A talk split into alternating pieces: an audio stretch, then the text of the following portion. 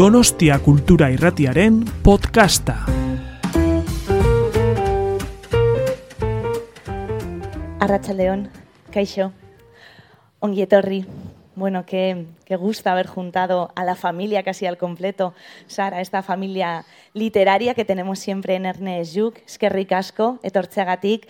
Gracias por haberos acercado al, al calorcito de la literatura aquí en, en Ernest Juk creo que la ocasión merecía una, una sala así de, de, llena porque esta tarde tenemos una invitada de, de, lujo, Sara Mesa, que ya yo creo que esto podemos decir que es tu casa, Sara, que no es, no es la primera vez, así que como decimos aquí, Onguietorri.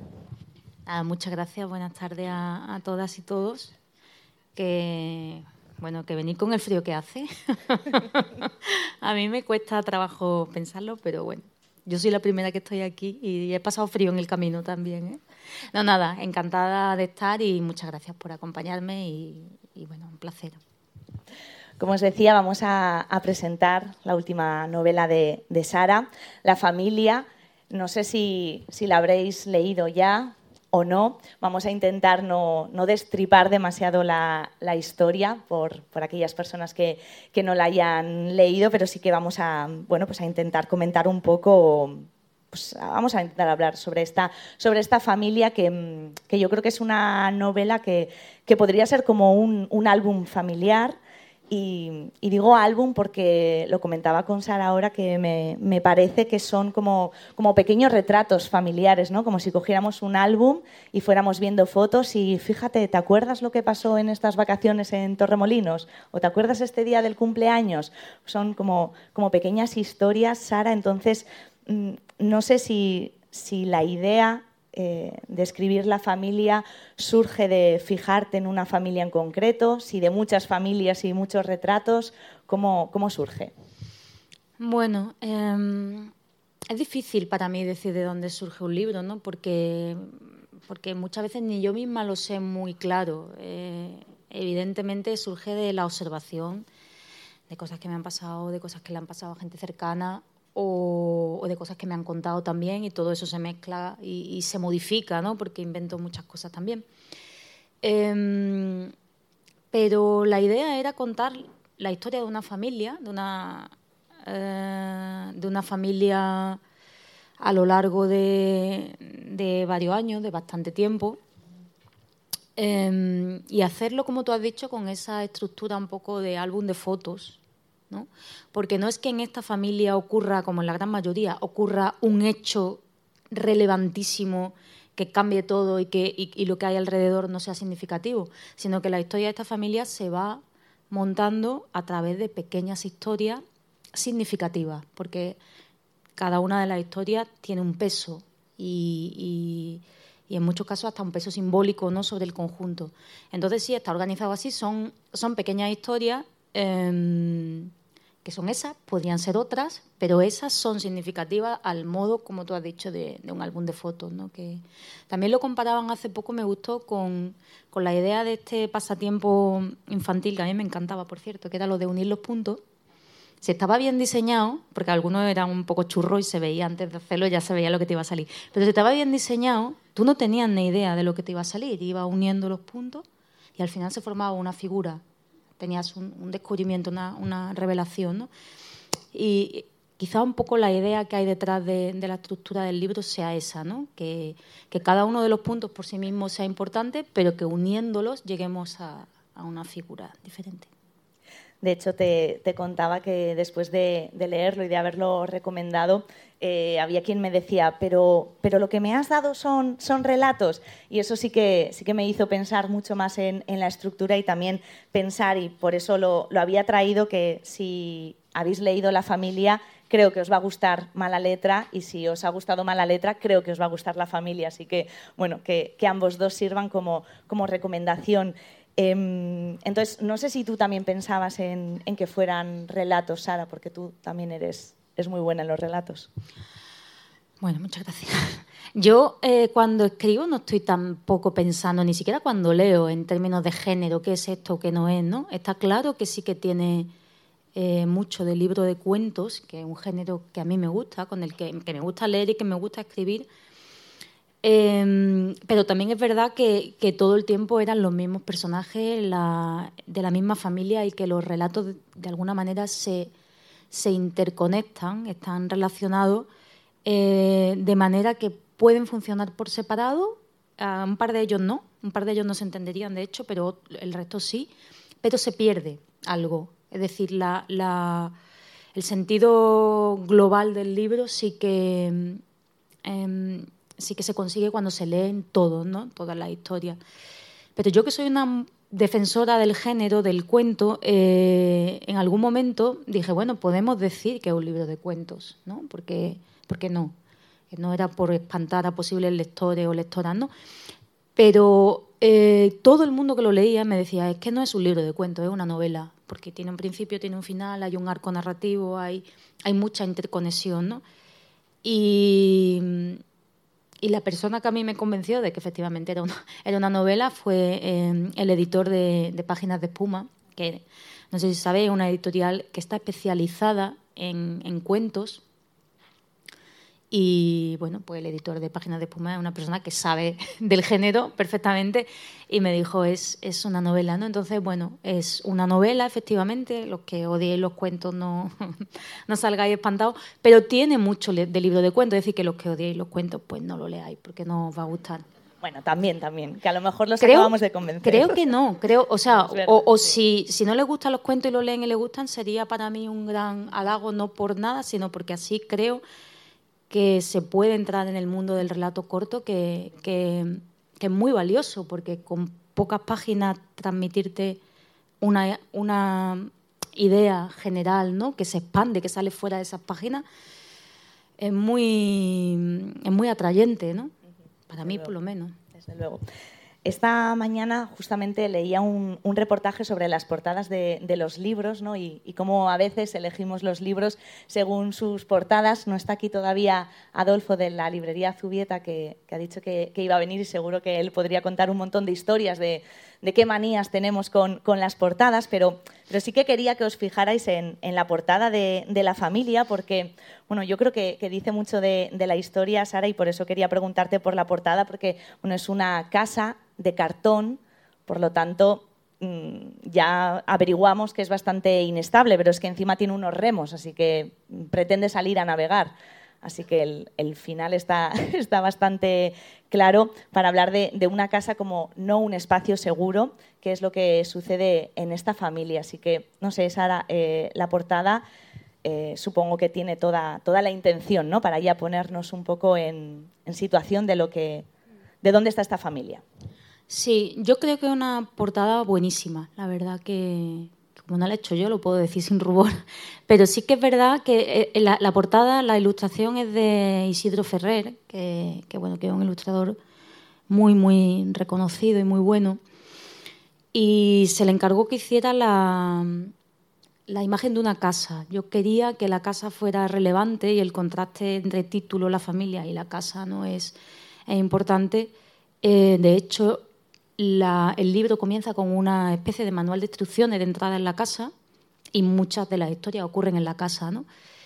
Pero simplemente la, coordenada era eh, Isidro, haz una casa. Yo, lógicamente, nadie le iba a decir a él que es verdaderamente un gran artista como tenía que hacerlo, ¿no? Él leyó el libro y enseguida, claro, eh, entendió el, el, sentido y trasladó esa, esa digamos, ese sentido, esa resonancia a la imagen que tiene una capacidad simbólica muy grande. ¿no? E, efectivamente, una caja e, es una casa, caja de cartón cerrada, porque no tiene ventanas, solamente unas pequeñísimas ventanas por las que salen unos remos. Es decir, que por un lado tenemos eh, la impenetrabilidad en ese mundo privado de la casa, pero por otro lado también se transmite la fragilidad. Si esta casa, desde luego, pretende remar, va a entrar agua por todos lados. Que, no sé, me pareció realmente mm, increíble cómo sintetizó todo el libro, todo el libro en esa imagen. ¿no? Entonces, cuando, cuando, la, cuando la vimos, dijimos, es perfecta. Y además, encima, también es muy sobria,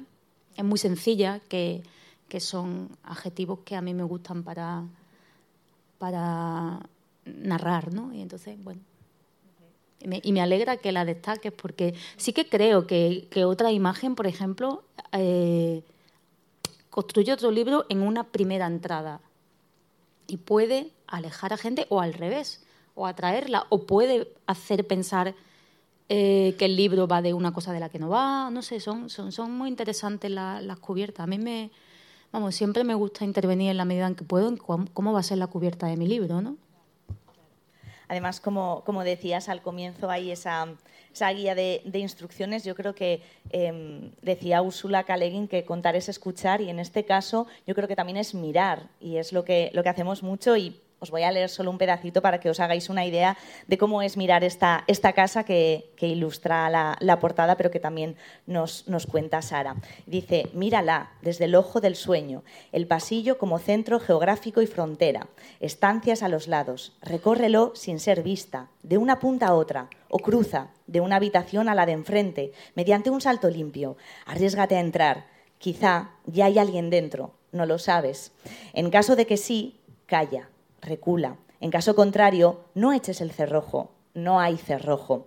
Mírala bien antes de despertar, los puntos ciegos y las madrigueras, palabras que significan justo lo contrario de lo que aparentan, tramposillas. El peine que traza la ordenada raya en medio y el revoltijo de pelos debajo del colchón, la puerta del armario que no cierra del todo, la rendija que queda, los ojos que espían. ¿Cuántos ojos hay en, esta novela, Sara? Porque creo que sí que hay, hay aunque es una novela que creo que, tiene tu sello y hablaremos de eso también, pero sí que hay algo que, pueda ser algo distinto a otras novelas y es que hay muchos personajes y, nos vas contando o vamos descubriendo su punto de, de, vista sobre, bueno, casi sobre este mismo espacio, ¿no? Oye, qué bien lees, por cierto. Me ha gustado. Nos vamos de gira cuando quieras. Sí, sí, yo, cuando leo algo, bueno, mío de otra persona, lo estropeo, ¿no? Pero...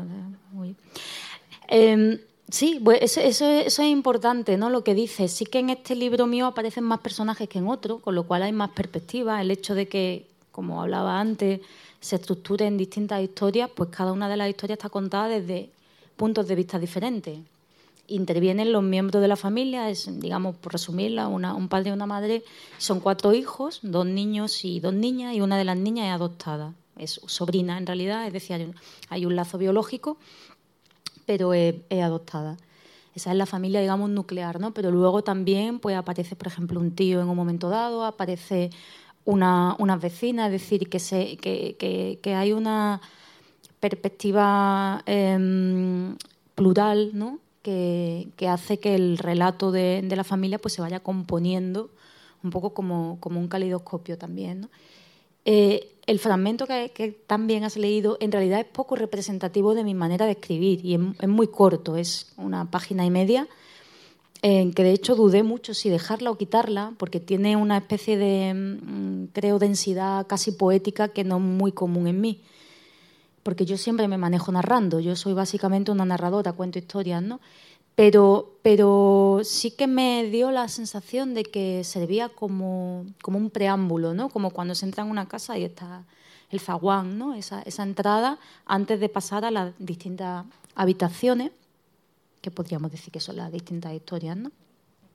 Desde luego sí que te coloca en ese contexto al que yo creo que sí que nos tienes acostumbradas de como esa olla presión, ¿no? de, que algo va a suceder, algo va, a estallar, pero, pero no se sabe cuándo o, qué.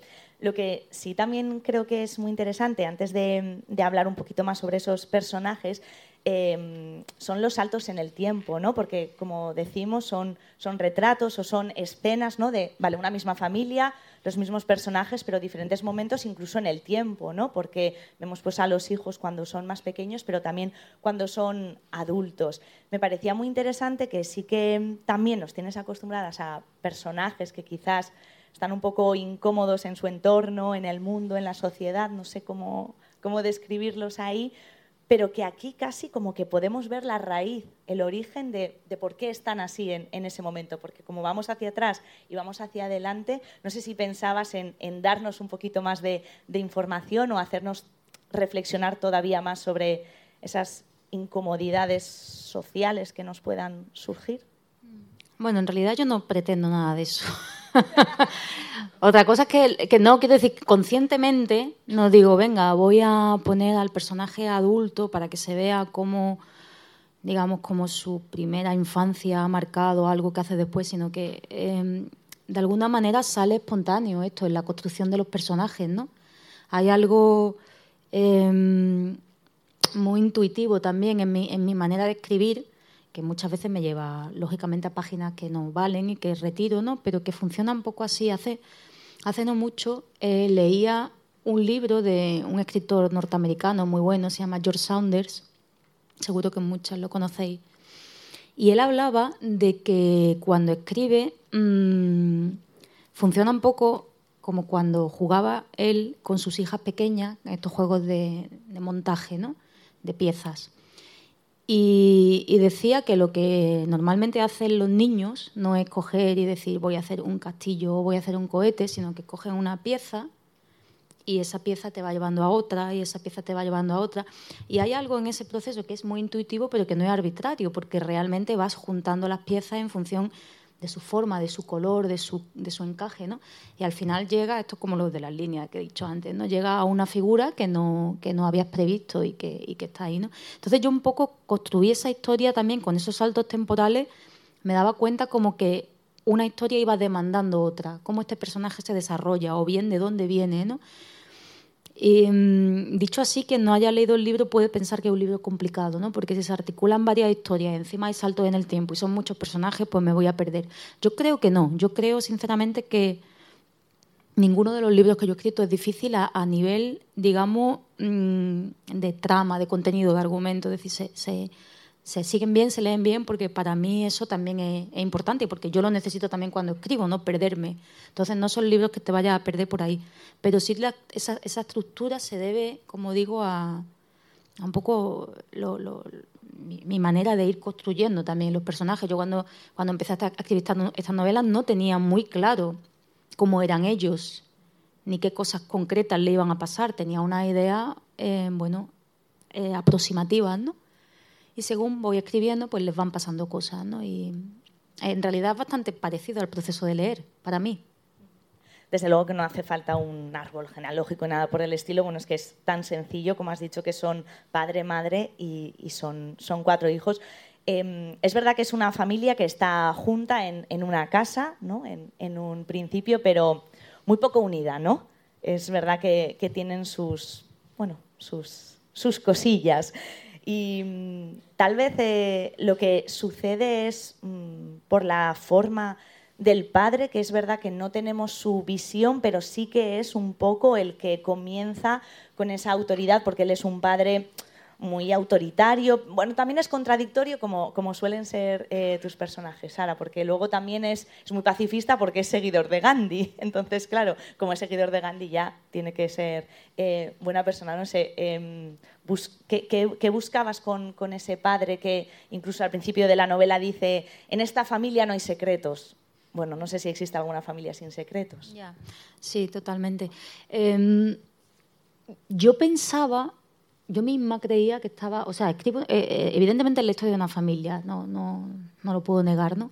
Pero no es un análisis de la institución familiar, ni de sus rendijas, ni de sus grietas, ni nada de esto, tanto como un análisis de, las relaciones eh, de poder en el, ámbito cotidiano, en el ámbito doméstico, ¿no?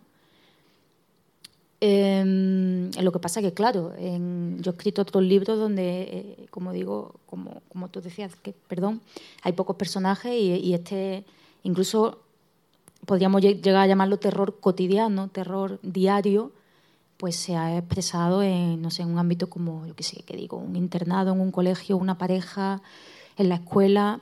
Eh, entonces casi que era una, una deriva lógica que yo terminara escribiendo de una familia, ¿no? porque además siempre me han atraído los entornos cerrados, donde hay pocos personajes y yo puedo más o menos manejar esas coordenadas. Pero no es tanto una historia, aunque lógicamente aparecen las la particularidades propias de las familias ¿no? y las imposiciones sociales y las ideas preconcebidas sobre, sobre lo que es una familia.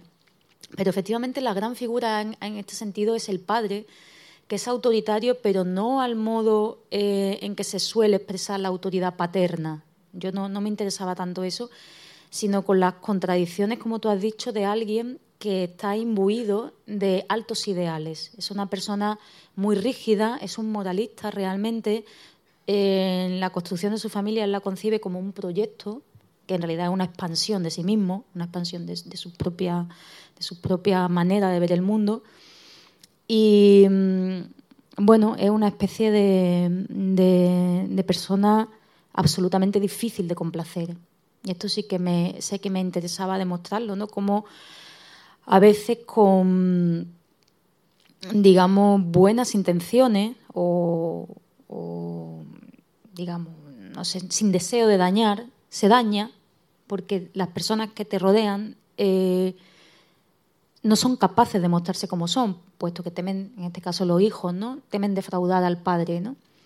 La madre es un caso diferente, pero en un momento dado se convierte en la segunda, la segunda a bordo, ¿no? Y también em, de alguna manera suscribe las coordenadas, esas coordenadas morales tan rígidas del padre contra el mundo. ¿No? Tengo que decir que esta familia en la infancia de los niños se correspondería más o menos con una familia de mi generación, años 80, por ejemplo, que es un momento de desarrollismo social, de cambio en muchos niveles, ¿no? Y este padre eh, no, no, no, quiere que esos cambios ocurran. ¿no? Hay algo ahí que tiene eh, que se blinda ¿no? hacia lo que es la sociedad de consumo, la televisión, la sociedad del espectáculo, considera que eso es nocivo. Ahí es donde digo que es moralista. ¿Tiene razón en algunas cosas? Yo creo que tiene razón. por ejemplo, ser admirador de Gandhi tiene razón. Pero lo que yo siempre digo es que porque uno admire a alguien lo hable, no lo hace lo hable y que hay muchos pacifistas que defienden su pacifismo gritando o con violencia. Entonces esas son las contradicciones que tiene, que tiene este hombre. ¿no? Yo creo que ahora justo en lo que decías, seguramente, eh, aunque esta sea una familia singular, si lo leéis, seguramente, aunque sea en, un pequeño retrato, a lo mejor reconocéis a, algún momento de, vuestra familia, porque por ejemplo, ahora que, comentabas eso, ¿no? Como el padre no quiere que entre lo de fuera, ¿no? Ese, ese alegato que hace contra el lavavajillas, creo que es, de decir, pero ¿por qué? Si podemos lavar a mano, pues ¿para qué vamos a estar gastando luz y cuánta agua y para qué esta modernidad? ¿no? El, ese miedo a, lo de fuera es miedo a los cambios y eso también es muy interesante, ¿no? El reconocer el miedo en unos padres y, una madre, ¿no? Que igual a eso no, no estamos tan habituadas, ¿no? A mostrar el miedo o los errores incluso de, de los adultos, o bueno, los padres o las madres en este caso. Sí, lo que pasa es que en este caso el miedo alcanza un grado más. Es decir, eh, una cosa es el miedo al exterior, a lo desconocido, a lo nuevo. Esto nos pasa a todos, ¿no? Estamos en nuestra, como se llama ahora, nuestra zona de confort y cualquier elemento que pueda amenazar eso, o que, pueda amenazar, que pueda ser diferente a eso, lo sentimos como amenazador, ¿no? Y muchas madres y padres, pues, pues nos puede pasar eso también en la, en la educación de los hijos, ¿no? Eh, entra un poco dentro de lo normal. Pero ahí se establece o debería establecerse lo que es una discusión, un debate, un diálogo, es decir, no, no la imposición del miedo. El problema de esta familia, de estos niños y también de la mujer en determinado momento, es que no son capaces de enfrentarse y discutir. Y esto eh, se puede aplicar a, las relaciones de padre e hijo, pero también muchas veces a las de pareja, incluso a las de amigos, etcétera, las relaciones cercanas de gente que en teoría te quiere o, vínculos que están basados en teoría en el cariño, la cercanía, la fraternidad, etcétera, ¿no? Que es lo siguiente. Tú, por ejemplo, el, ejemplo que has dicho de lavavajillas, podría establecer una discusión y decir, bueno, pero es que yo sí quiero lavavajillas porque somos muchos, porque es útil, pues no es útil, pues es útil. Pues eso sería una discusión. El problema es cuando el mero hecho de tú admitir que quieres un lavavajilla, que lo deseas, te convierte, a ojos de esa persona, en un ser despreciable. Porque tú has escuchado mil veces decir a esa persona que la gente que, mm, digamos, el trabajo manual lo desprecia y que se apoya en no sé, en la perversa industria de los electrodomésticos, estoy poniendo un ejemplo absurdo, pero hay muchas cosas absurdas en este libro, son, digamos, la representación del mal y de lo poco ético y de lo no humano y de tal y cual, pues claro, mm, si tú estás escuchando eso desde pequeño, llega un momento en que tú no piensas eso, pero lo disimulas, porque temes perder el cariño, ¿no? temes perder la aprobación. Y, y eso es lo que ocurre aquí. Cuando hay un miedo al exterior, puede ser miedo es, decir, eh, los padres pueden tener miedo de que algo del exterior perjudique a sus hijos, por lo cual no vuelvas tarde o no, no sé, no tenga, no mires por el, no sé, cuidado con internet, las cosas lógicas, ¿no? Pero a veces ese miedo al exterior no es tanto porque le ocurra algo a tus hijos como porque descubran que tú eres un farsante y les estás vendiendo un mundo que no es cierto. Que también, bueno, ya estamos destripando un poco el libro. No, no, no, no. Pero bueno, porque quiero, quiero, quiero que quede claro. Es curioso, por un lado, porque es verdad que en esta familia se producen una serie de mecanismos que no son los normales, no, no es la, creo, creo, de verdad, que no es la típica historia de una familia con un padre autoritario, una madre sumisa y tal y cual. Hay unos elementos diferentes. Y también es cierto de la manera algo que tú has dicho. Hasta ahora tampoco he tenido mucho feedback de lectores, ¿no? Pero alguna gente sí me dice que reconoce, que reconoce mecanismos de pero que yo creo que son extrapolables a otros ámbitos de la intimidad. Que todo lo que, muchas veces se basa en, los lazos sentimentales, a veces se vuelve muy complejo. Es muy difícil decirle, yo qué sé, a una amiga que su novio es un asco, ¿no? Es un ejemplo también, ¿no? Pero no, no nos sentimos libres de decir nada porque, porque podemos hacer daño, porque pueden dejar de querernos, porque pueden pensar mal de nosotros.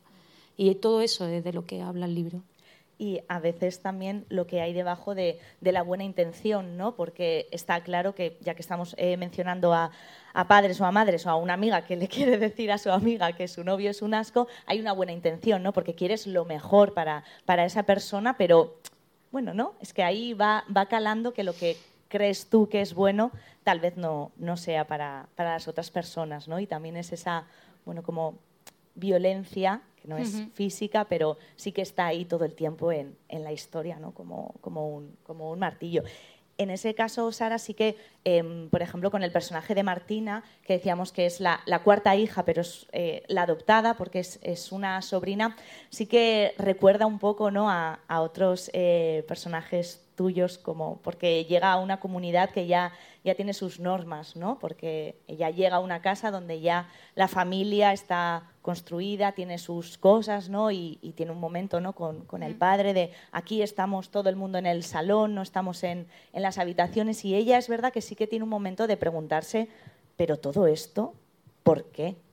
¿No? El, el cómo un adolescente o una niña puede, puede incluso desde su inocencia cuestionar que lo que está pasando es un poco raro, ¿no? Claro. bueno, ese es efectivamente un elemento que viene del exterior. La niña eh, llega a esa casa con 11 años, se decía una niña, claramente, y su conocimiento del mundo es limitado, pero tiene un conocimiento más allá de esa casa en la que sus primos, ahora hermanos, pues van, pues llevan viviendo toda su vida, ¿no? Entonces, em, esa niña muchas veces dice cosas con su inocencia y su manera de preguntar que van desvelando la rareza de, ¿no? Porque, por ejemplo, esta familia no tiene televisión, no, no, no ven la televisión, mejor dicho, no tienen televisor, o no dejan a los niños salir a la calle a jugar con, su, con otro amigo o tal, ¿no? Y ella pregunta hasta que se da cuenta de que las preguntas son inconvenientes y deja de preguntar también. Pero, pero claro, los niños que se crían en determinado ambiente, imaginemos por ejemplo una secta, que sería un caso extremo de, de esta aplicación de pensamiento, si tú estás viviendo desde dentro en esa, en esa secta y no sales de ahí, tú no sabes qué es la normalidad. ¿No? Te parece que eso es lo normal. Por eso es tan importante tener esa, ese contacto con el mundo exterior siempre, ¿no? Y, no tener miedo de contrastar cómo son las cosas. Por eso hay que, que viajar en la medida de lo posible, porque me refiero con la, mentalmente al menos, ¿no? No hace falta estar un horror el avión y todo eso, pero, pero sí tener la cabeza abierta, saber cómo, cómo se hacen las cosas en otros lugares, porque, porque el mundo es mucho más amplio de lo que creemos, ¿no? Yo creo que esto es que seguro que, nos ha pasado a todos también, ¿no? Cuando, cuando eres niña y piensas que lo que sucede en tu casa es lo normal y es lo que pasa en todas las casas y no es así. Cuando sales fuera ¿no? y vas a dormir a casa de, de una amiga o no sé, de otra persona, te das cuenta pues que no sé, que lo de cenar tortilla francesa no, no es una costumbre del país, sino que solo se hace en la tuya y eso es incluso hasta divertido en, el libro, ¿no? El ver cómo, aunque ellos es verdad que sienten vergüenza, ¿no? Pero el cómo se dan cuenta que, que, lo que hay en su casa no, no es lo normal, yo creo que eso también nos hace conectar mucho, aunque no sea de esta forma tan autoritaria del padre. Yo creo que ahí también puede haber una conexión con, nuestra vida. Sí, claro, porque siempre, en realidad, en mayor o menor grado, siempre nos ocurre, ¿no? Pensamos que es normal lo nuestro.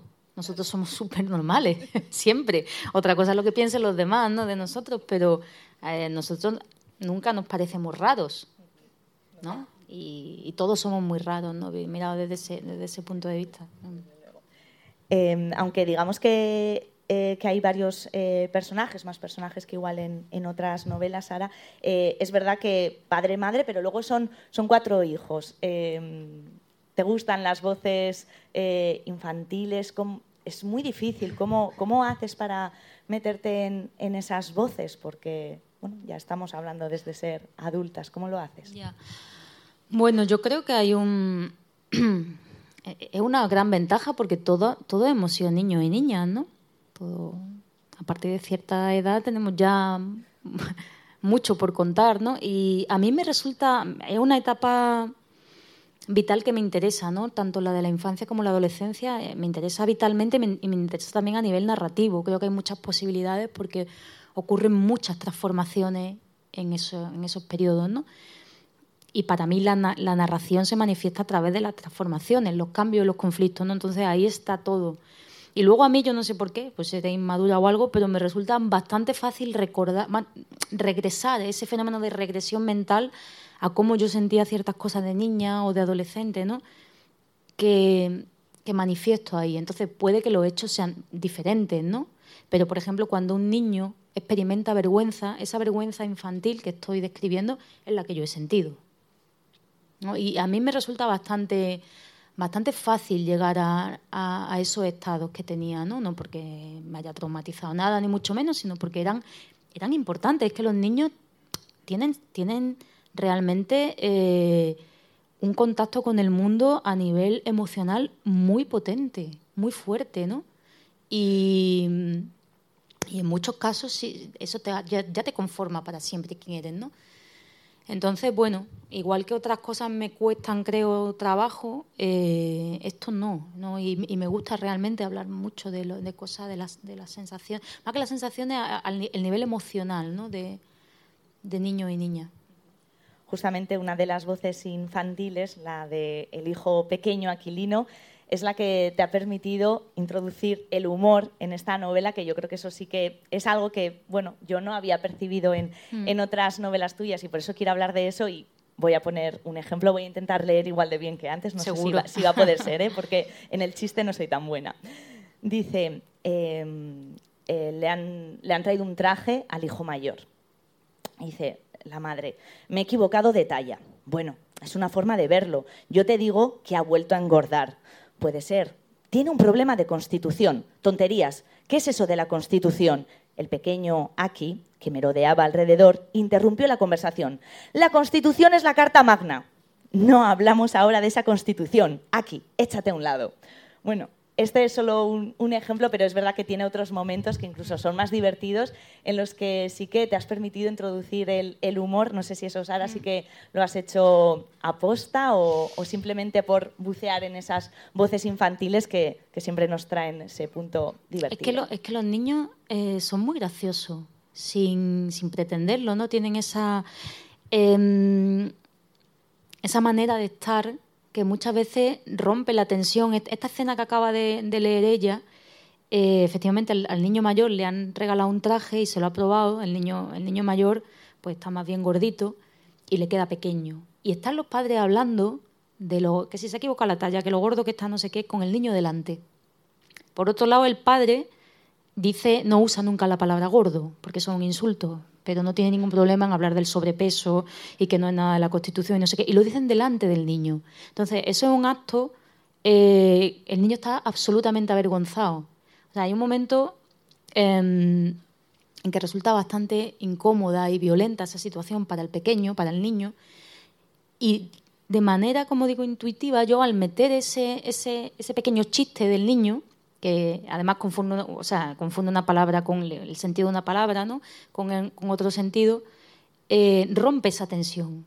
Y a mí eso me ha servido en este caso mucho porque yo no quería construir la historia en algunos momentos puede ser dura o hay cosas realmente que pasan que son, que son duras, pero eh, yo quería construir una historia muy humana. Todos los personajes, mi aspiración al menos era que fueran muy humanos y tuvieran mucho, mucha complejidad, no que hubiera buenos y malos, ni incluso este padre del que, del que estamos hablando, que es tan así, también es una víctima de sí mismo. También tiene esa personalidad porque Beta sabe, lo mismo nació con ella y no. O lo mismo su educación, que algo se, se, se atisba ahí, sus orígenes tampoco fueron fáciles, ¿no? Entonces, bueno, intenté dar esos perfiles e intenté introducir esos elementos de aire, ¿no? yo sabía que el, que el, hijo pequeño tenía esa función. Lo sabía, como digo antes, cuando, cuando he explicado que tengo unas ideas previas, lo sabía. Pero sí que es verdad que escribiendo el libro Em, el personaje fue adquiriendo relieve y ese, y ese yo disfruté mucho con la construcción de ese personaje que es nuevo, es verdad, en mi, en mi narrativa, porque yo no sabía que podía hacer eso. Y esta cosa que dicen algunas veces los escritores de el personaje se me va de las manos, a mí siempre me ha parecido una tontería porque si el personaje lo, tienes tú, ¿cómo se te va? Pero es cierto, hay un momento en que de pronto adquiere una relevancia eh, que, que, yo no preveía. Eh, mm, y, entonces sigues esa voz. Tienes la sensación de que, de que hay que estar atenta a, lo que te está ofreciendo ese personaje, a las posibilidades que te ofrece, ¿no? Y las desarrollé y bueno, y estoy contenta con la... Con... Porque además había otra cosa también que quería contar, que es que son cuatro hermanos, como digo, una adoptada, pero son cuatro niños, niñas, y, y cada uno muy diferente que esto sí lo sabemos todos, todos los que tenemos hermana y hermana, pues cada uno es muy diferente. Y esto es importante destacarlo, es decir, somos lo que, lo que nos tenemos alrededor, la educación, el entorno, sin duda, ¿no? Pero también somos individuos diferentes y ante, ante el mismo estímulo reaccionamos de manera diferente, ¿no? Y esa, complejidad, esa pluralidad también se ve. El hermano pequeño, por ejemplo, que está ahí diciendo la Constitución de la Carta Magna no tiene nada que ver con el otro que no se atreve a abrir la boca de, la vergüenza que está pasando. ¿no? Y justamente cuando, cuando decías em, que el padre no, no, dice la palabra gordo, ¿no? utiliza esa constitución, es porque el lenguaje también es algo que, que a ti siempre te, te, preocupa y te ocupa mucho en las novelas, se nota, pero es que justamente aquí en la familia casi es más importante todo lo que no se dice que lo que sí se dice, ¿no? Todo eso que, que callan y acaba siendo una, una herida, es como verdaderamente ahí es donde está la trama, ¿no? Sí. Bueno, y aparte en el tema del lenguaje, el padre, entre otras cosas, es un purista del lenguaje. Mm, también. Es un, que además el, purismo en realidad es algo muy, muy peligroso, ¿no? Y él es una persona que está siempre obsesionado con la corrección en el hablar, incluso se dedica a, corregir textos que encuentra, ¿no? Y aquí falta una coma y esta mayúscula aquí no. Y, es una manera también de demostrar una superioridad y un, y un, en estar en el mundo, ¿no? Pero esa rigidez en el uso del lenguaje es totalmente... Eh, devastadora, ¿no? Rompe con el sentido del humor, por ejemplo. Rompe con, con, la frescura del lenguaje infantil, de lo coloquial. Y también quería plasmar eso, ¿no? Cómo eh, uno puede ser absolutamente cuidadoso con el lenguaje y con los términos y ser absolutamente violento. De hecho, ¿no? Algunas veces alguien que te diga, por ejemplo, pongo el ejemplo que te hable de usted y diga, señora, ¿dónde va usted por ahí? Te está hablando de señora de usted, pero está siendo mucho más agresivo que de... Con lo cual, no son las palabras, son las intenciones, son los tonos. Y esto está ahí. Y respecto a lo que se cuenta y lo que no, el libro comienza prácticamente con esta, esta declaración de intenciones, ¿no? De en esta familia no hay secreto, pero claro que las hay. Claro que lo hay, digo, porque en, en todas las familias lo hay, ¿no? Pero también eso me servía para para hacer una reivindicación de la, de la necesidad de privacidad y de intimidad. ¿no? Pues el padre le dice a la, precisamente a Martina, que acaba de llegar, que tiene un diario, que tiene un diario con un candadito, pues para escribir sus cosas. Y entonces eh, la cuestión es, bueno, ¿por qué tienes un candado? ¿No? ¿Tú te crees que vamos a leer tu diario? Tú no tienes confianza con nosotros, has llegado hasta nueva casa, te hemos acogido y nos vienes con secreto. Es decir, ahí entre el chantaje emocional, Incluso si lo leyéramos, que tienes que escribir que no podamos leer. Claro, exactamente. Es todo, y, bueno, esto también no suena mucho, ¿no? Y ha pasado mil veces y en la pareja igual, ¿no? Si tanto me quieres, ¿por qué me ocultas dónde va? O porque, ¿no? Entonces, eso es algo también muy malo, muy peligroso, ¿no? Porque las personas necesitamos nuestra privacidad, nuestra intimidad. Em, aunque sea en ese diario para nada, para escribir nada o para hacer un dibujo, da igual, pero es tuyo, no quieres compartirlo, ¿no? Em, y es curioso que el padre diga eso, ¿no? Además, porque, porque también él guarda secretos, claro claro, todas las familias los tienen y como hablábamos sí que es verdad que, obviamente su, casa hace aguas porque es de, es de cartón, también el aire, además de, por el humor, entra por otros personajes, como has comentado, ¿no? Pues un tío que, viene de fuera, también una vecina, ¿no? El, ¿no? Sí que es ese momento de, parece que estamos espiando a la familia desde fuera, ¿no? Que al final es que acaba siendo la familia del tercero, que la acabamos conociendo muchísimo, ¿no? Al final. Bueno, eso era un poco la idea también que pretendía, ¿no? Cómo se ve esa familia a sí misma, cómo se ven cada uno de ellos a sí mismo y cómo se ven desde fuera, ¿no? Casi yo no suelo utilizar lo que se llama el narrador omnisciente, es decir, un narrador que lo sabe todo y que lo explica todo. Normalmente me posiciono en una, una visión, un lado, ¿no? Desde donde se ve. Entonces, claro, estamos viendo esa familia en algún momento desde el punto de vista de uno de los hijos, de otro, o de la madre, pero cómo se ve esa familia desde fuera, cómo se percibe, ¿no? Y cómo la ve, por ejemplo, una vecina que se encuentra solamente con, él, con, ellos por la escalera, y, o una vecina, la hija de la vecina, que entra en la casa algunas veces porque juega con una de las niñas durante un tiempo, luego no. ¿Cómo, cómo lo ve el tío, ¿no? El, hermano de la madre, cuando llega allí de visita, que es el que se dedica a los electrodomésticos.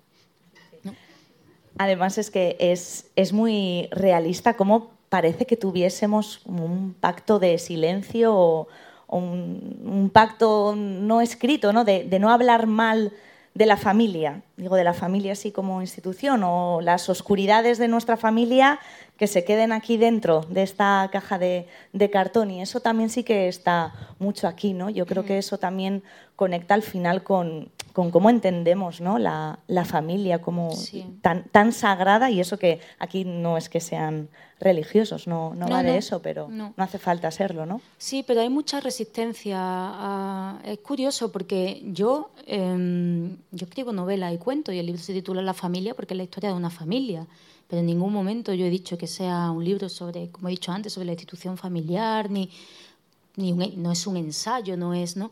Sin embargo, me acuerdo cuando se publicó el libro en una entrevista que me hicieron y hubo bastante, bueno, lo de las redes sociales hay que cogerlo desde luego con mucha distancia, ¿no?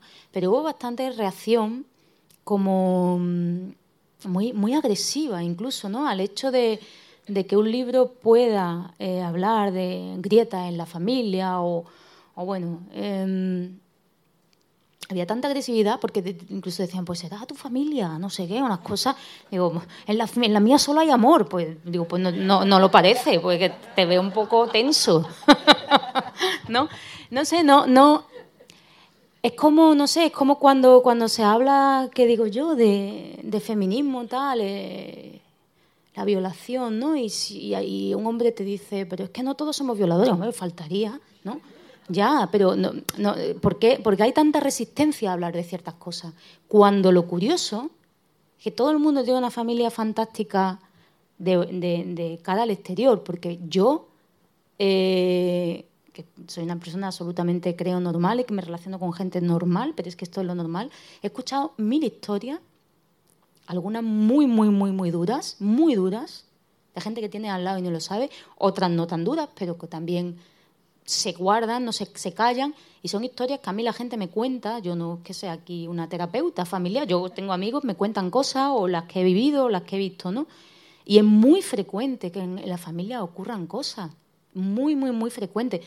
Vamos a, ya que vamos a la institución familiar, vamos a todo. La, eh, la, mayoría de los abusos sexuales a niños ocurren dentro de la familia. O sea, que no entiendo por qué no se puede hablar de la, de la familia, no se puede cuestionar que quizá, evidentemente que no va a ocurrir en toda la familia, que la familia deben pasarse los lazos eh, de amor, pero sí que es verdad que el blindar eso no ayuda a que determinadas cosas dejen de ocurrir. El, de puertas para adentro, esto afortunadamente ha cambiado mucho, ¿no? Y ahora estamos en otro momento, pero en generaciones anteriores eh, nadie se metía en lo que pasaba en la casa de al lado. Es el problema de ello. Se ha publicado un libro durísimo, ese sí que es duro de verdad y no el mío, que se llama, pero es muy bueno, lo recomiendo, no sé si tú lo conoces, Vengo de ese miedo, de un escritor que se llama Miguel Ángel Oeste, y cuenta una historia de maltrato familiar brutal, brutal. Y el libro está contado con un descarnamiento y un... Bueno, y yo leía ese libro y se me ponían los pelos de punta, lógicamente, pero sobre todo pensando, ¿y la gente no hacía nada? Porque además en el libro se ve que realmente los vecinos, los amigos, es decir, la gente, este, este, el, escritor que habla de su propia experiencia es, de, es del 73. Es decir, tiene ya unos años, pero oye, mm, no sé, en su infancia no está tan lejos, no se hacía nada. Entonces, el cerrar, el, el, no hablar las cosas no ayuda. No ayuda, hay que hablar las cosas y luego, oye, pues hay que también entender que nadie está generalizando ni que se está. Pero bueno, en cualquier caso estoy haciendo aquí un alegato al final que estoy diciendo que el libro no, el libro no va de eso, que, pero sí que noté una resistencia. Bueno, y ayer mismo en Madrid hice, vengo, eh, hoy he venido de Madrid, que ayer tuve una presentación en una librería, una señora se empeñaba en preguntarme que por qué había titulado el libro la familia. Si yo, sí, sí, y digo, bueno, porque es que es una familia, va de la familia. Pero ella lo entendía como, como concepto, ¿no? Pero ¿por qué la familia? ¿Por qué no la familia García? ¿Sabes? ¿Por qué? Digo, yo qué sé, porque no tienen apellido, no he dicho. O sea, había como. Notaba un poco yo de. Mm, también creo que responde, y ya me callo, me estoy enrollando, responde a una tendencia es un poco peligrosa ahora de leer los libros de ficción, las novelas y tal, como si fueran ensayos, como si tuvieran todos un mensaje que ofrecer y un posicionamiento claro, cuando la literatura además es el reino de la complejidad y de la ambigüedad. ¿no? Evidentemente nuestra ideología como escritores subyace en todo lo que escribimos, pero no estamos dando consignas ni mensajes. Y se leen los libros, bueno, este libro es un libro que quiere decir tal cosa, quiere decir tal otra. Pues para eso escribo un artículo en prensa, ¿no? Y lo digo antes. Totalmente. Puedes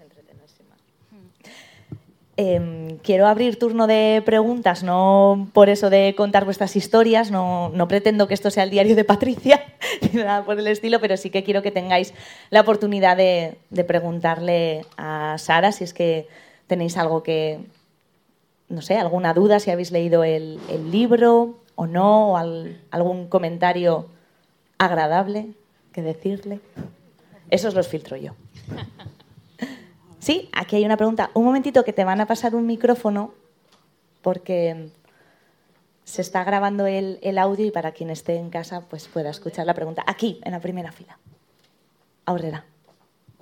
Hola, buenas tardes, Sara. Eh, mira, quería hacerte una, pregunta sobre, sobre la pulsión creativa, porque siempre me intriga el hecho de que eh, de saber si, en este caso, un escritor, pero puede ser cualquier otro artista, cuando se involucra en, un proyecto, en una historia, eh, da el 100% sobre esa historia o deja alguna reserva, por si acaso, para otro, para otro proyecto. Me estoy acordando, por ejemplo, del anterior libro de Un amor que me gustó mucho. Y en ese libro, por ejemplo, estaba reflexionando ahora que la familia prácticamente no, no tiene ninguna, ningún papel relevante Solo hay una pequeña alusión a la familia vecina de la protagonista, pero que queda muy, muy, eh, muy poco, eh, muy poco interés en la, novela. ¿no? Entonces me pensaba, cuando escribiste ese libro, tuviste, por ejemplo, la idea de decir, no, no, no quiero hablar mucho de la familia, me reservo para otro libro que, estoy, que tengo en mente, en el cual desarrollaré mucho más en esa idea. Bueno, pues Gracias por tu pregunta y por tu lectura. Em, no, o sea, entiendo lo que quieres decir, pero no, no, no es algo que yo piense, es algo que quizás resuena, que se queda después. ¿no? Eh, ha hablado de Mala Letra, que es un libro mío que tiene ya algunos años, que es un libro de cuentos, en los que aparecen varias historias familiares que tienen un aire común con eso, son, son otras historias, pero tiene, son como yo siento como un libro de hermanos, ¿no? Cuando yo escribí La familia, o sea, perdón, Mala Letra, eh, quizás ciertos temas, ciertas posibilidades quedaron resonando y años después salen y las la desarrollo, ¿no? Em, porque cuando estoy escribiendo una historia intento también ser, mm, ¿cómo decirlo? No me sale el adjetivo exacto, no lo hay, pero ser eficaz, quizás, ¿no? Es decir, estoy contando esta historia y no me quiero ir demasiado por las ramas, no quiero O sea, yo podría alargar un libro. A mí algunas veces me dicen que libro, escriben libros cortos, podría hacerlo más largo, claro, y podría contar mucho más detalles de la vida de los personajes y tal. Pero creo que distraen de lo que, de lo que verdaderamente importa o del conflicto que anida en ese texto en concreto. Entonces todo eso lo, lo emborrono, no me interesa. Pero no significa que no esté. Entonces, de alguna manera, quizá algunas de esas cosas terminan luego resonando y apareciendo. Pero no, no es tan consciente, ¿no? Más preguntas? Galderarik norbaitek euskaraz egin nahi badu, nik itzuliko dut. Aquí? Vale, venga. A ver si las expresar bien. Hola, Sara. Hola. Eh, no sobre la familia, porque lo tengo para empezar, que tengo muchas ganas, pero es sobre un amor y sobre algo que has comentado eh, de que cuando un escritor escribe no siempre quiere transmitir un mensaje X con el libro que está escribiendo. Igual no te he entendido bien, pero eh, yo al leer Un amor sí que me sentía reconocida o, eh, con todas las vejaciones, no todas, pero algunas de las vejaciones que hemos sufrido las mujeres en, esta sociedad machista. Y, la pregunta es, pues, eh, si ese mensaje tan claro que yo he recibido era parte de lo que querías contar. Buena pregunta. Pues sí, no. Quiero decir, todo lo que. Vuelvo a usar el, concepto de la resonancia. Un amor es un libro lo suficientemente eh, sugerente, creo, como para que si ese mensaje llegó a ti y lo desarrolló sea válido. O sea, no, eso que me está diciendo no va en contra de mis intenciones. Tú me podrías decir que el libro yo sentí que era una defensa del amor romántico y, apostaba por estar en contra de las relaciones prematrimoniales, te dirían no, es el no va de eso, ¿no? Pero, porque hay, realmente hay lecturas muy variadas, pero, pero siento que camina en la dirección aproximadamente sí. Yo misma, si te digo, con honestidad, cuando escribí Un amor no tenía un mensaje claro. Yo quería contar la historia de una mujer que en determinado momento, eh, por determinadas circunstancias, hace, toma una serie de decisiones que parecen ilógicas, pero que para ella no lo son, aunque sean dañinas, aunque, y que las toma eh, por influencia de un entorno que viene de mucho más atrás también, eh, que conduce a eso. Pero esto es una manera bastante borrosa y bastante abstracta de explicar el libro, pero así surge un poco, ¿no? Porque porque así funcionamos también, ¿no? Entonces, bueno, pues lo que pasa es que luego eso deriva hacia esa lectura que tú, pues, pues sí, es, correcta, es correcta. Oye, hay gente que odia a este personaje y dicen ella es tonta y hace... Pues si hay gente que la odia, eh, pues también me parece bien, quiero decir construir un personaje que eh, con capacidad de ser odiado, que no es plano, no es solamente palabras en un papel. Es curioso porque hay gente incluso que se enfada con ella y digo, bueno, si son palabras escritas en un papel, no es nadie que existe. Pero cuando existe esa reacción, es bueno. Quiero decir, es un libro que en sí es conflictivo y que va a tener distintas lecturas, ¿no? Yo no soy tan dura con ella, la verdad. Y a veces me da un poco de pena que, se le dé tanta caña, ¿no? Pero entiendo, entiendo, es decir, toda, todo, todo, eso es, es posible, ¿no? Es que en la lectura también entramos nosotras y nosotros. Claro, es, que, es, que, no leemos, no, no, venimos de, de, de, cero. Tú estás leyendo de acuerdo a cosas que te han pasado, que has visto, que has observado. Tu lectura no va a ser la misma que la de otra persona, pero por ejemplo, esto que acabas de decir es interesante porque Un amor fue un libro, eh, él acaba de decirlo, que lo, lo leíste y te gustó, ¿no? Que han leído también muchos hombres y también eh, han reconocido en el libro eh, elementos de interés para ello. O sea, no es un libro... Eh, no sé, ha gustado, ha gustado y ha, sido odiado. O sea, ha sido todo muy repartido a gente eh, muy joven, a gente más mayor, a gente muy lectora o gente menos lectora. Y en ese sentido, bueno, para mí también fue muy sorprendente, ¿no? Pero, pero sí. Em, y iba a decir otra cosa, pero se me... Ah, sí, respecto a ella, por ejemplo, em, me preguntaban hace poco, ¿podría ser la protagonista de un amor metafórico? O sea, metafórico no existe. Eh, una hija de esta familia, no de esta familia en concreto, no esas niñas, porque para empezar se llama diferente. Estas niñas se llaman Martina y Rosa y ella se llama Natalia. Pero podría venir de ahí, y me di cuenta, digo, podría venir de ahí. Todo eso explica que una persona no tenga la suficientemente, no sé cómo explicar, su suficiente... Ay, que me estoy liando, Dios mío, yo para qué me... Ya he dicho que no teníamos clara la intención, vamos a dejarlo aquí. Pero podría ser la hija de la familia. Un... Sí, podría ser una sí, hija podría de la ser, familia. claro que sí. Por eso de entender de dónde, de dónde vienen. ¿Puedo preguntar otra cosita solo? antes? Venga, rápido, que ya hay una mano levantada Eh, al vale, fondo. em, alguna curiosidad que tengo. Cuando escribías el personaje de Natalia, eh, eso que robó, lo... ¿sabes qué robó? O, o- o era una excusa que contaba? No, es un objeto. Yo pongo un objeto de valor, me, va- me da igual que sea un anillo, que sea una pluma. Un objeto de valor, da igual. Un objeto de valor que ella no necesita. Esos son los datos relevantes, ¿no? Sí. Porque si roba un abrigo porque te gusta a ti y te lo pone, es otra cosa. O sea, lo relevante es que sea algo que ella no necesita. Pues gracias.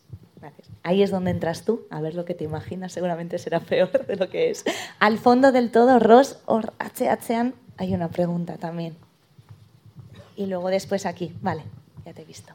Vale, bien. Eh, hola Sara. Eh, me acuerdo que en la última presentación de Un Amor que hiciste aquí, yo precisamente te comenté que un aspecto que me había gustado era eh, como que era más coral que otras novelas que había leído tuya.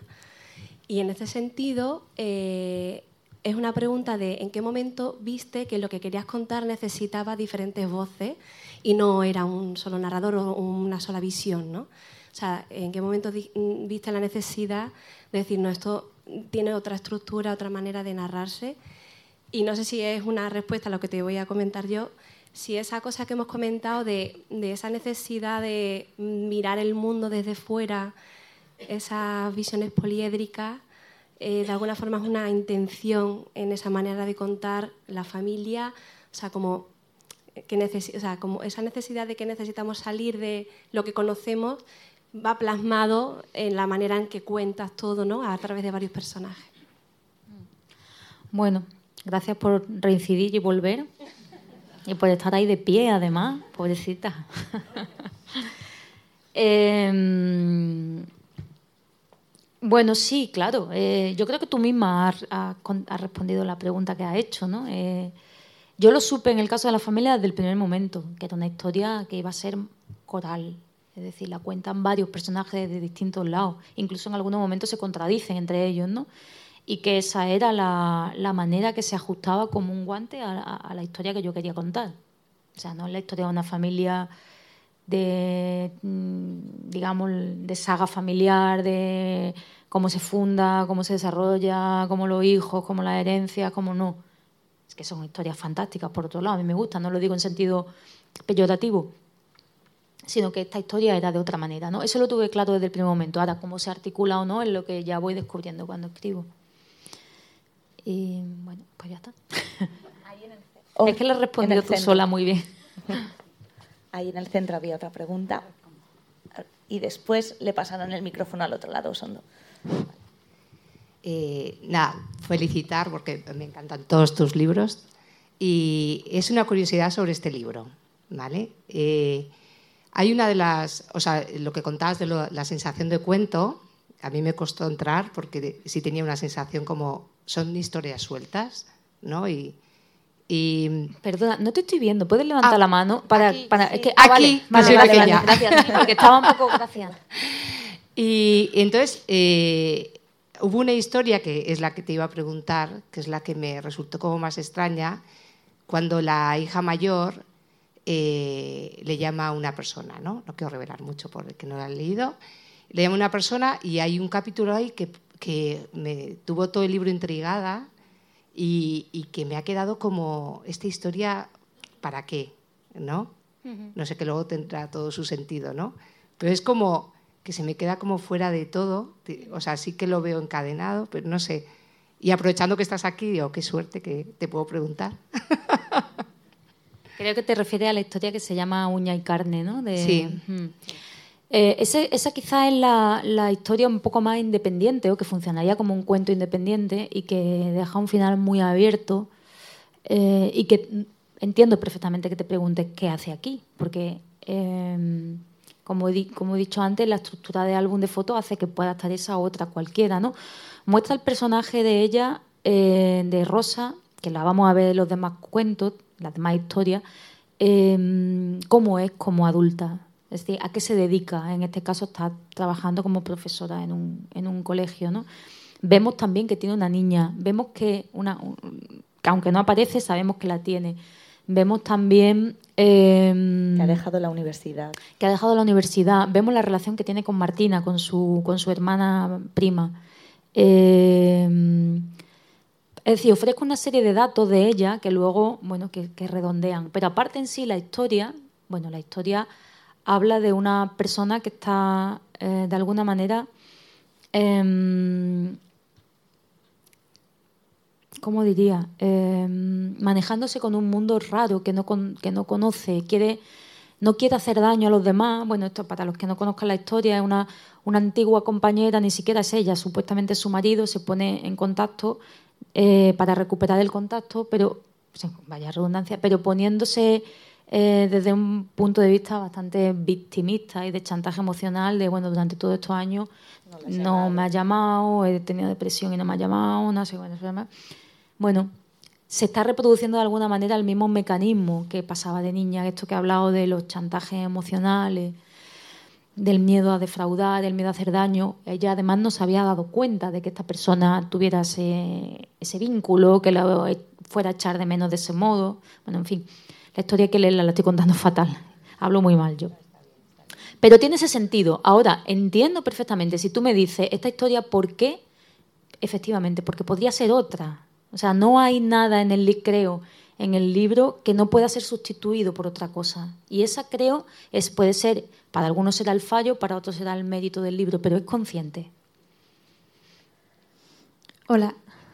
Hola, Sara. Levanta la mano. Ah, vale, después lo pasáis ahí atrás. ¿vale? Está la sala tan llena. Yo estoy muy contenta, ¿eh? porque está la sala muy llena, pero claro, no veo nada.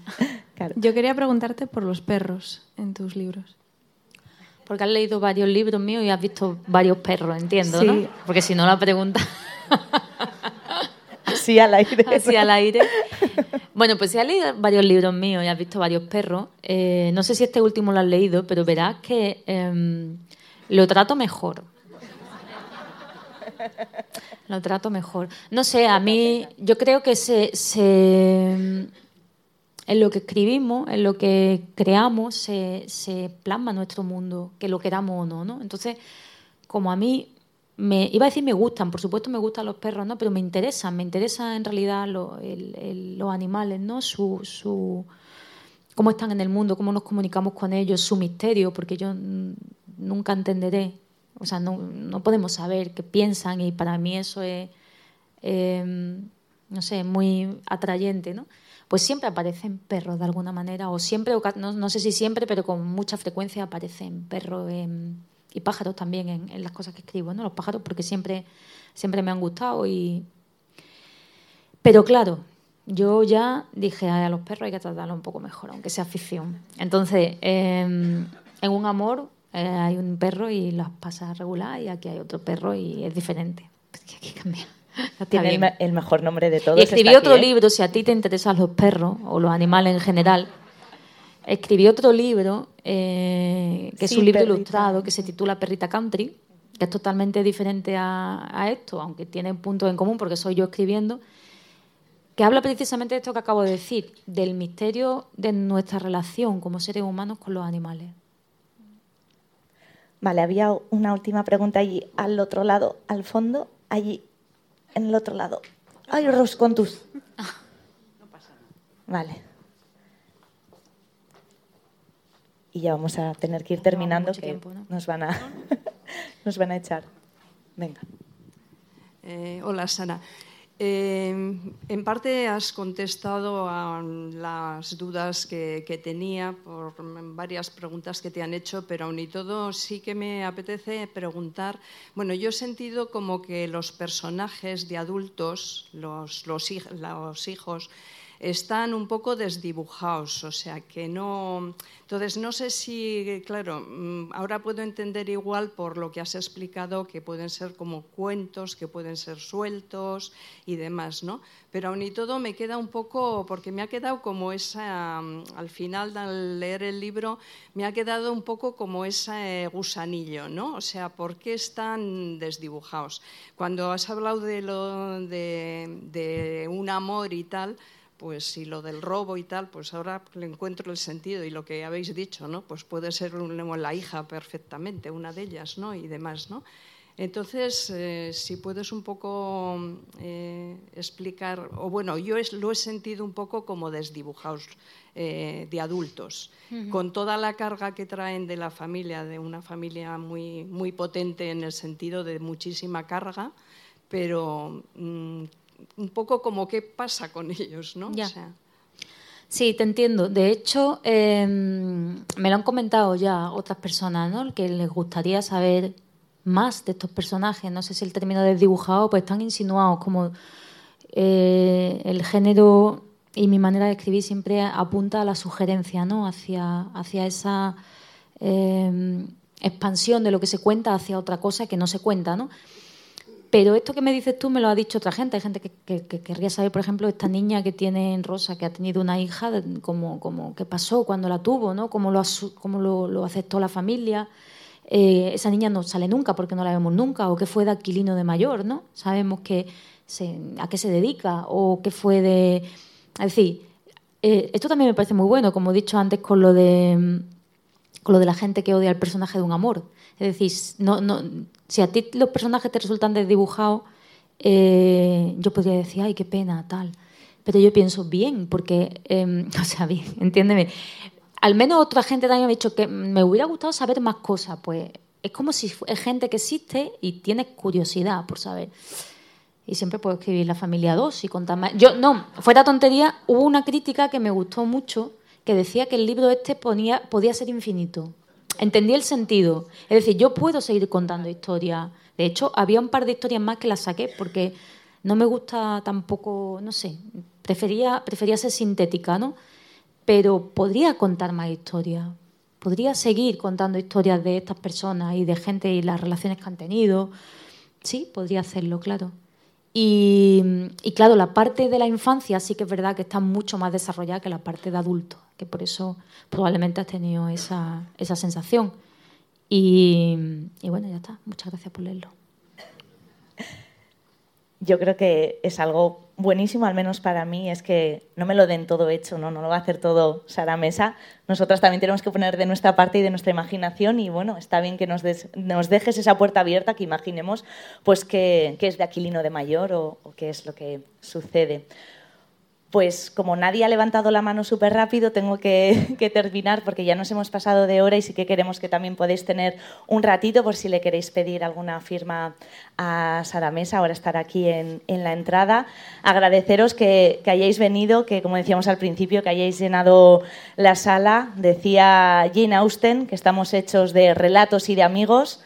Yo creo que Sara siempre nos trae muchísimos relatos y Gracias por, por, haber reunido a tantísimos amigos y amigas. Así que, Sara, esta es tu casa y yo creo que no es de cartón. Unos mimbres más fuertes ya tenemos aquí con el estadio, así que que vuelvas pronto. Muchas gracias. Muy bien, muchas gracias, Elena. Muchas gracias a todos. Gracias.